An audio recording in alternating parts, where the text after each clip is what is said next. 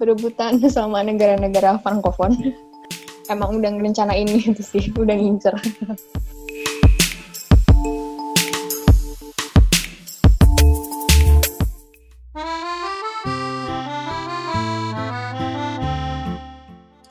Halo Edu Changer, balik lagi bareng host kalian, Hanin. Nah, di episode kali ini uh, aku mau siap-siap dulu nih. Aku udah belajar bahasa asing khusus untuk episode kali ini.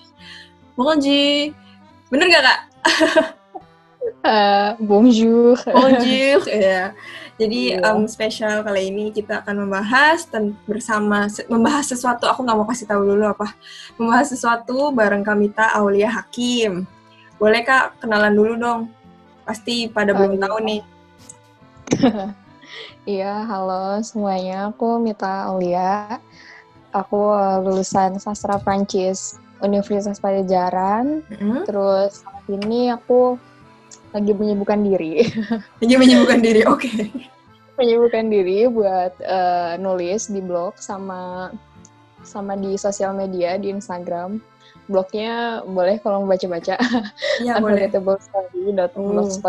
sama di Instagram itu aku ada uh, akun khusus sih namanya Jurnal Maypada. Kalau penasaran cek aja. Iya boleh. Nanti aku tulis di deskripsi pokoknya. iya. Nanti boleh ya teman-teman Edu Changer untuk dicek. Tadi aku udah ngecek loh apa blognya dan ya tulisannya emang bagus-bagus terus aku kayak "Eh, kapan ya aku bisa seperti ini. Karena menurut aku nulis tuh nggak mudah. Iya, itu juga nulisnya baru apa sih? Maksudnya kayak agak ada jeda gitu sih. Oh, Iya. yang. Kayaknya emang kalau nulis tuh inspirasinya harus dicari pelan-pelan ya, tidak bisa ter- terburu-buru. Harus konsisten ya. Ini lagi mencoba untuk konsisten lagi gitu di nulis. Wow, keren sih katanya keren. Pandemi gini sih. Kayak gitu. Iya. Terus kak kan tadi tuh sastra Perancis nih. Kenapa sastra Perancis? Kenapa tidak sastra yang lain? Wow. Enggak dulu emang dulu waktu SMA emang ikut ekskul namanya sastra budaya. Terus di situ Hmm. ada tentang bahasa Perancisnya, belajar bahasa Perancis. Terus dulu pengen juga kuliahnya HI sebenarnya, hubungan internasional, tapi nggak Wow. kesampaian. Terus mikir pengen yang ada hubungan tentang luar negeri. Pokoknya harus ada tentang luar negeri, tapi nggak mau Inggris. Karena udah biasa gitu Inggris Oh iya benar-benar. eh, aku nyari yang bahasanya dipakai di PBB dan itu bahasa Oh. Prancis. Iya, Ada benar. sebenarnya ada tujuh, cuma yang aku pilih di situ dibandingin kayak misalnya Arab, Rusia Mhm. atau Mandarin yang paling lebih mudah lah ya dipelajarin itu bahasa Iya. Prancis karena karena hurufnya masih sama kan alfabet gitu. Iya. Oh iya benar. Oh iya. Rusia. Arab, Rusia kan udah, aduh, spasiba, Iya, udah iya, tulisannya ke- ke mana gitu. eh, udah beda yang penting masih sama alfabet cuma emang apa ya itu juga punya keunikan sendiri sih di bahasa Prancis tuh kayak tata bahasanya terus Mm-mm. cara bicaranya sih yang agak challenging ya Iya, wow. Benar. Gitu sih tapi emang suka aja sih dari SMA gitu jadi Wow. eh, milihnya itu. Wow. Ih, tapi sama tau kak, aku juga dulu pengen yang ada luar negeri luar negerinya gitu. Tapi cuman kepikiran sastra Inggris, karena aku bisanya sastra Inggris doang. aku sebenarnya pengen juga sih sastra Inggris Hmm. cuma karena apa ya udah terlalu biasa gitu Iya, maksudnya benar pengen. Inggrisnya juga tapi em, gimana caranya biar nambah bahasa lain gitu jadi dua-duanya pasti kan nanti gitu sih Iya, ini keren sih, udah termasuk bilingual ya kak. Udah bisa dua bahasa soalnya. trilingual Oh iya kan bahasa bahasa Indonesia. Oh sama Sunda, masya Allah. karena di Unpad kan Oh iya Kita benar unpad pakai bahasa Sunda. Lupa saya. Iya Wow Oke. keren. Bentar lagi pol- polyglot nih. Nambah satu lagi ya kak. aduh belum kepikiran sih Tapi udah keren sih. Sama ini dong kak kepo deh. Eh, katanya kan katanya nih, aku pernah baca ada artikel katanya tuh kalau belajar bahasa Inggris dulu, nanti belajar bahasa Perancisnya gampang. Makanya gara-gara artikel itu aku sekarang lagi belajar bahasa Perancis loh. Eh, emang ini sih ada pengaruh ya karena Mm. mereka letak geografisnya sangat dekat gitu Hmm. terus dulu pernah perang 100 tahun Iya benar. ada gitu gitu terus eh, emang apa ya emang banyak kosakata yang mirip sih, tapi cara bacanya beda gitu. Iya, beda. Jadi misalnya internasional, internasional, internasional, terus communication, communication, kayak gitu. Hmm. Jadi banyak yang Dari- gitu ya. Nah itu cuma pronounce-nya beda cara Iya, bacanya. Cuma emang banyak sih kataku mah cukup banyak lah dari ngambil dari bahasa Inggris gitu. Hmm. Tapi mereka bilangnya mah eh, bahasa Inggris yang ngambil dari bahasa Perancis. Iyalah, pasti gitulah. Kayak kita Sama aja berebutan sama Malaysia kan. iya kayak gitu sih. Cuma ya Oh. emang cukup mirip sih. Tapi untuk kata-katanya doang sih. Kalau Mm. misalnya struktur beda. Oh. Struktur nggak sama. Samanya Iya, kayak Spanyol beda. sih. Oh. Lebih ke Spanyol kalau struktur gitu. Oh, gracias. Iya. Udah tahu itu doang. Oke, lanjut nih Kak. Jadi kita tuh khusus membuat podcast episode ini untuk Kamita asik. untuk untuk membahas tentang jadi tuh Kamita yang aku baca nih di CV-nya aku ngintip-ngintip di LinkedIn-nya juga Kamita ini delegasi dari Indonesia. Nih, aku aku mau nyoba ini pronounce-nya, nama acaranya. Heeh. Ah, Bismillah ya. Amik, eh, aduh tadi aku udah nyoba tuh pakai Google Translate padahal.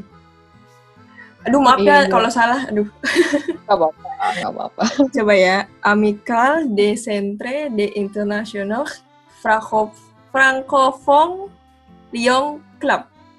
Bener gak? Iya. Hampir. Hampir-hampir. Oke, coba baca yang bener gimana kak? Nama acaranya.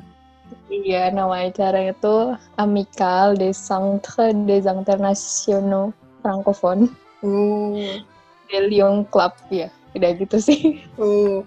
Kak Lyon Club tuh ini bukan sih? Lyon tuh nama daerah bukan sih? Itu itu ada nama kota di Prancis, tapi Oh, iya. Lyon itu ada organisasi internasionalnya. Jadi ada Lyon International. Itu organisasi kayak em, apa ya? Volunteer, bukan volunteer sih. Jadi dia ya banyak kegiatan volunteering gitu. Mm-mm. di berbagai dunia sih. Eh maksudnya berbagai negara gitu. Sebenarnya di Indonesia juga ada kok Lions Club ini.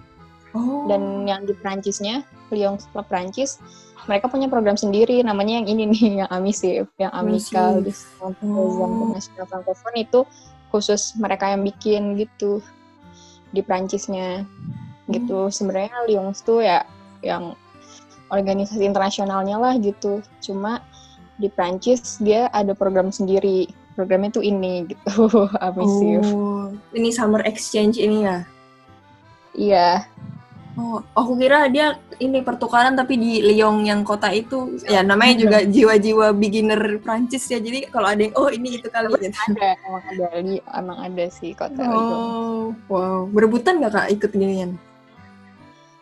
Em, berebutan sama negara-negara Frankofon Oh. karena eh Frankofon itu negara-negara yang berbicara bahasa Prancis antara Hmm. yang antara yang negaranya emang pakai bahasa Prancis, yang Hmm. bahasa keduanya Prancis atau yang bisa bahasa Prancis gitu. Kayak Indonesia, Indonesia kan bukan Frankofon, tapi Iya. kalau orangnya ada yang bisa bahasa Prancis itu disebut Frankofon juga gitu. Kalau negara yang Frankofon beneran tuh kayak Maroko, Aljazair, itu kan mereka bekas jajahan Prancis, tapi Oh. emang apa ya?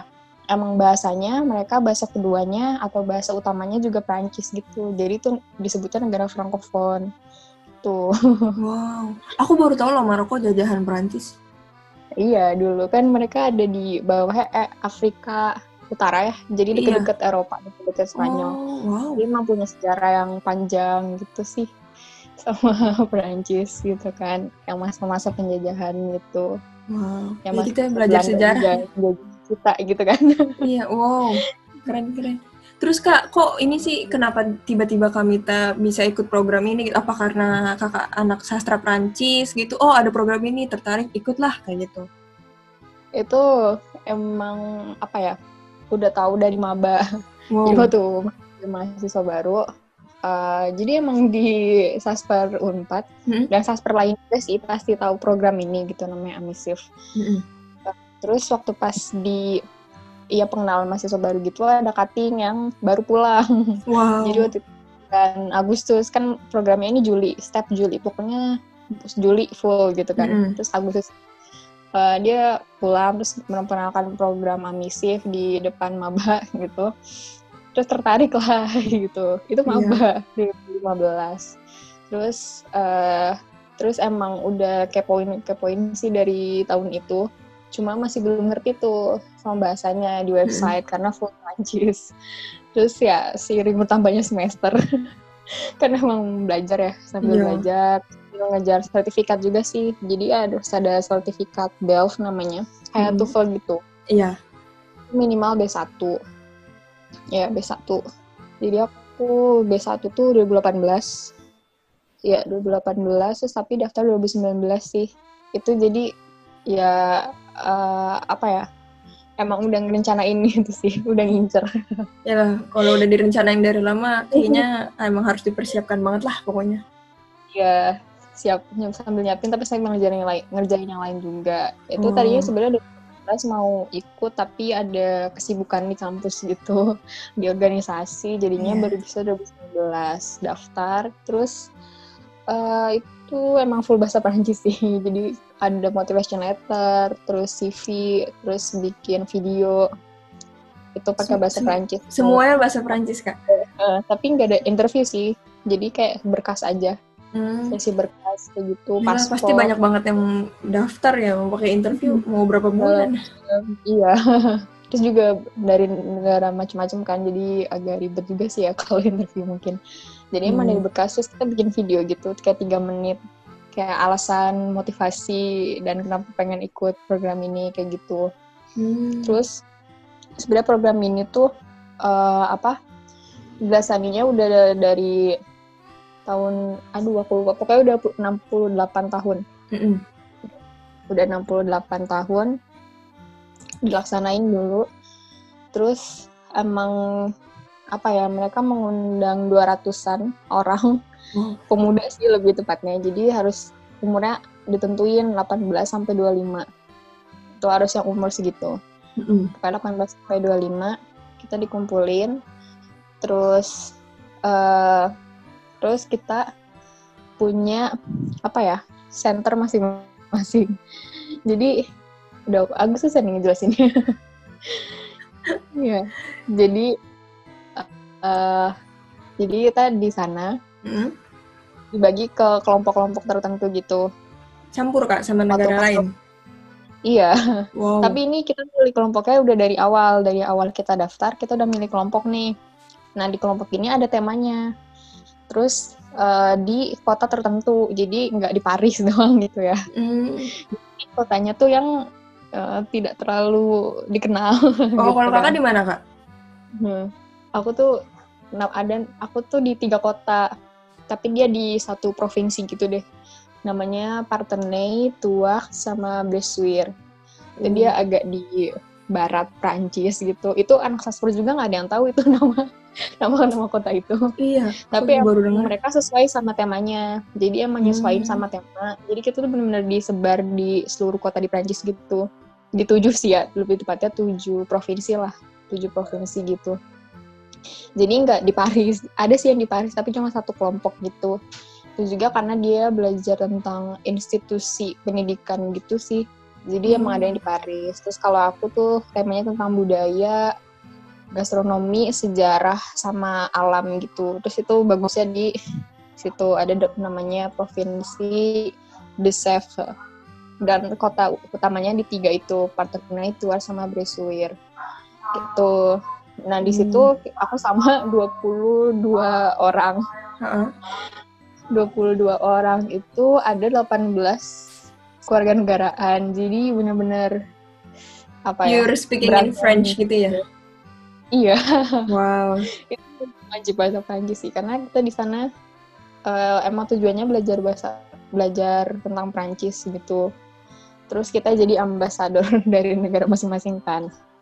Oh, Tapi iya nanti pas kita belajar di sana terus balik lagi ke negara kita kita jadi ambasador Prancis gitu sih.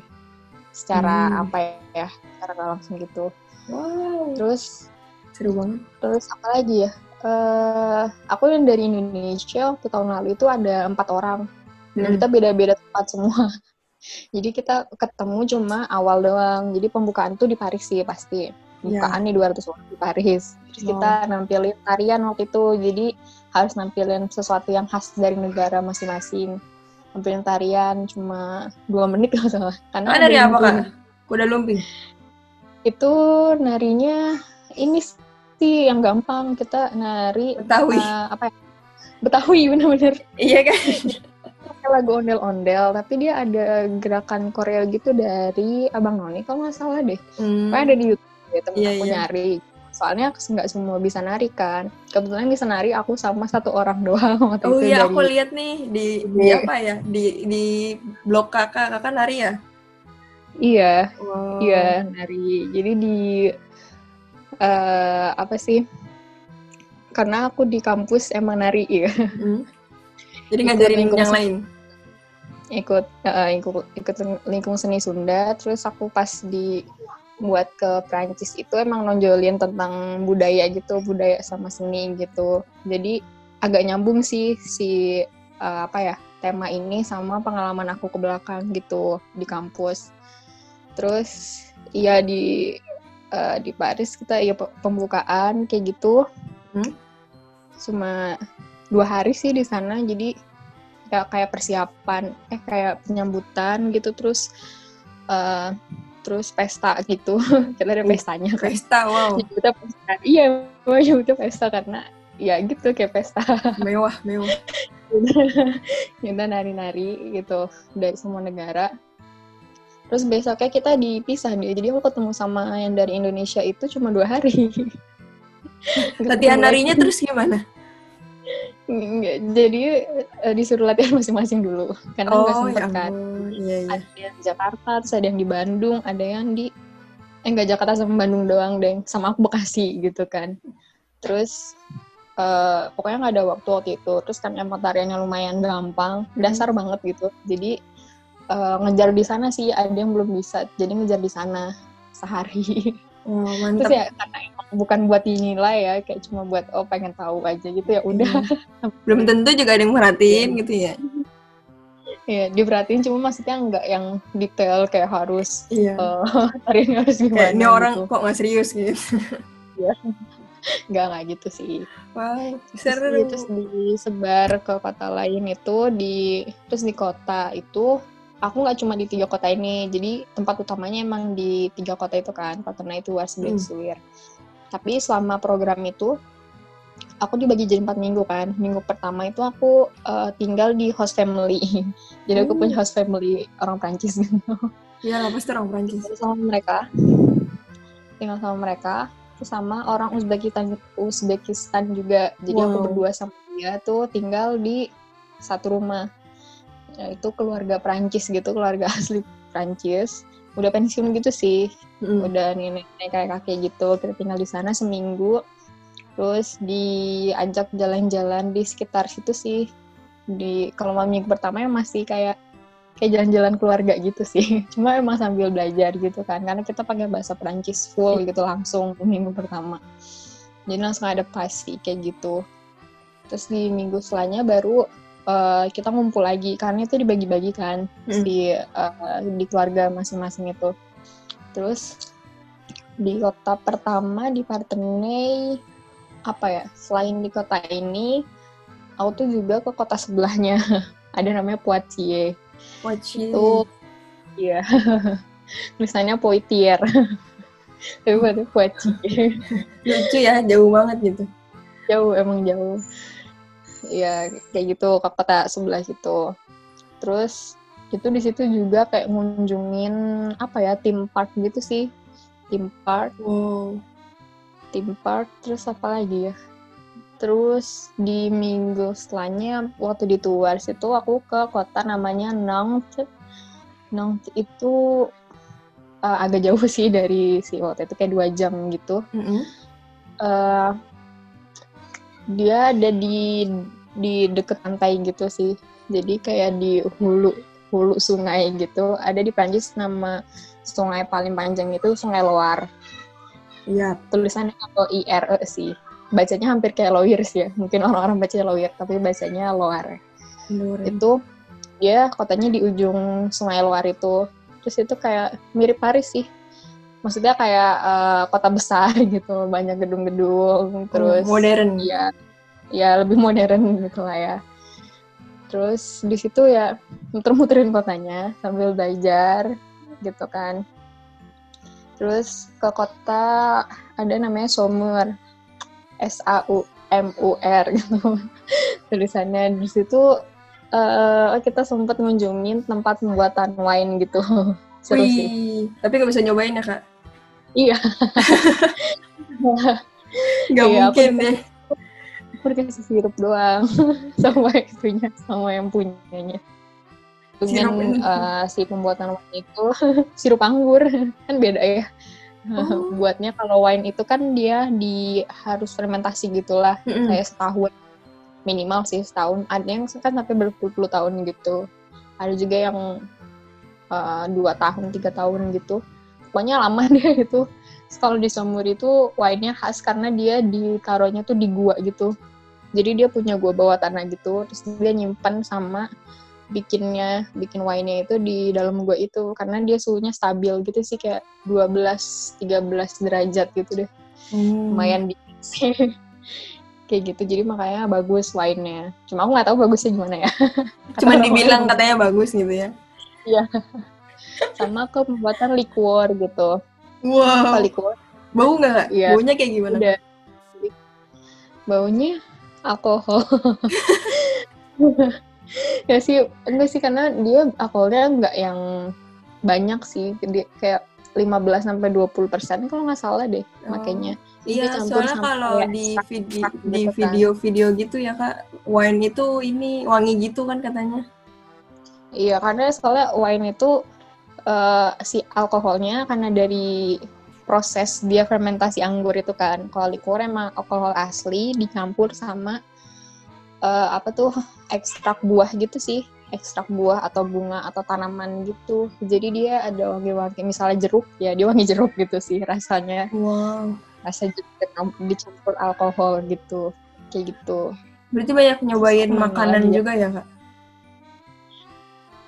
iya makanan terus juga pokoknya ke tempat-tempat yang uh, apa ya yang kita tuh kelihatannya sih kayak jalan-jalan sebenarnya. Soalnya kayak tiap hari tuh kita uh, ada ngunjungin suatu tempat dia pokoknya selalu ngunjungin suatu tempat gitu.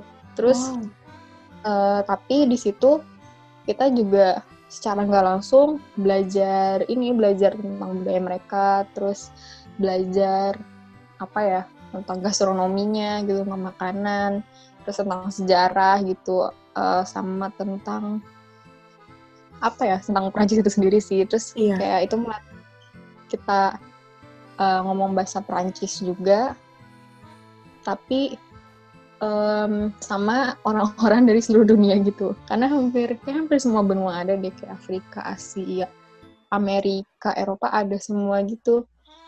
Yang paling jauh apa ya Brazil mungkin ya Brazil Peru hmm. terus Uh, terus yang paling deket mungkin Ceko. Itu paling deket banget dari Prancis kan dia. Cuma emang hampir semuanya ada. Nah dari apa ya dari kegiatan-kegiatan itu kita kira kayak pasti ngobrol kan selama perjalanan dan selama sebulan itu. Terus yeah. kita nginep bareng di apa sih di asrama gitu sih. Kita kalau pas lagi bareng-bareng itu di asrama dikasih kamar. Satu kamar tuh tiga orang lah. Sama pasti ngobrol sama ya sama perjalanan itu. Jadi kita uh, pasti kan ada obrolan-obrolan tentang eh kalau di negara kalian ini gimana kalau yeah. negara kalian pasti gitu kan nah dari situ kita jadi ngerti ya, tentang negara itu sendiri terus emang ada presentasinya jadi uh, apa satu hari itu ada 2 sampai tiga negara yang presentasi. So bagian si presentasi di pertengahan bulan gitu. Presentasi resmi gitu. Jadi kayak sejam lah, sejam atau sejam setengah nyiapin PowerPoint terus kita presentasi di depan teman-teman sama panitianya gitu. Terus bisa nanya-nanya. Tapi setelah itu uh, eh maksudnya di luar presentasi itu juga kita secara nggak langsung juga tahu sih tentang negara itu. Kan bisa langsung hmm. nanya kan di negara ini gimana negara ini gimana gitu. Sebenarnya wow. gitu sih secara apa ya secara keseluruhan lah ya. Intinya change-nya itu uh, dari kegiatan-kegiatan kita mengunjungi tempat-tempat di Prancis itu hmm. gitu. Hmm. dari kegiatan-kegiatan itu sih. Terus oh terus di akhir kita ada penutupan gitu pesta penutupan. Nah di situ aku ini sih uh, apa sempet nari. Nari lagi? waktu iya jadi kita nyiapin nari sama nyanyi. Mm -mm. terus yang nari itu ada yang bareng-bareng kan. Jadi aku ada yang bareng-bareng tuh nari Indonesia yang aku tarikin di pembukaan itu. Iya. aku ajarin ke mereka jadi ah, ada 10 orang iya. dan itu susah sih lumayan. Aduh.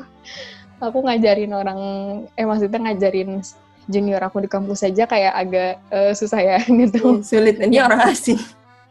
Iya yang mereka kayak iya. Ya udah pengen apa sih maksudnya kayak pengen ngeramein aja gitu kan gitu. Dan nggak ada ada nggak ada basic narinya gitu. Jadi ya lumayan lah challenging gitu ngajarin yang tarian cuma dua menit gitu. Terus aku juga ikut tarian India. Itu seru sih nari India. Kayak di film-film gak kak? Ya lumayan lah kayak gitu mirip-mirip. Cuma ya itu dikit sih cuma dua menit juga. Terus ada tari ceko. Tapi aku nggak ikut sih yang ceko itu tapi seru juga sih lihat tariannya gitu. Simple-simple sih tariannya karena yang nggak ada yang tahu juga kan hasilnya gimana. Iya benar. Biasanya cuma kayak cover-cover doang. Iya terus aku juga dikasih kesempatan buat nari solo di sana. Wow. Jadi bener nari sendiri. Karena waktu pas presentasi negara aku uh, sempet ini sih di akhir presentasi aku bilang aku mau nari aku mau nunjukin tarian. Terus udah tuh nunjukin 30 detik kalau nggak salah Wah. karena udah malam kan 30 detik aja deh gitu terus kayak uh, terus sama mentor aku sana ada mentornya juga kan hmm. mentor aku oh ya udah kamu di um, dibuat tes penutupan kamu nari aja deh gitu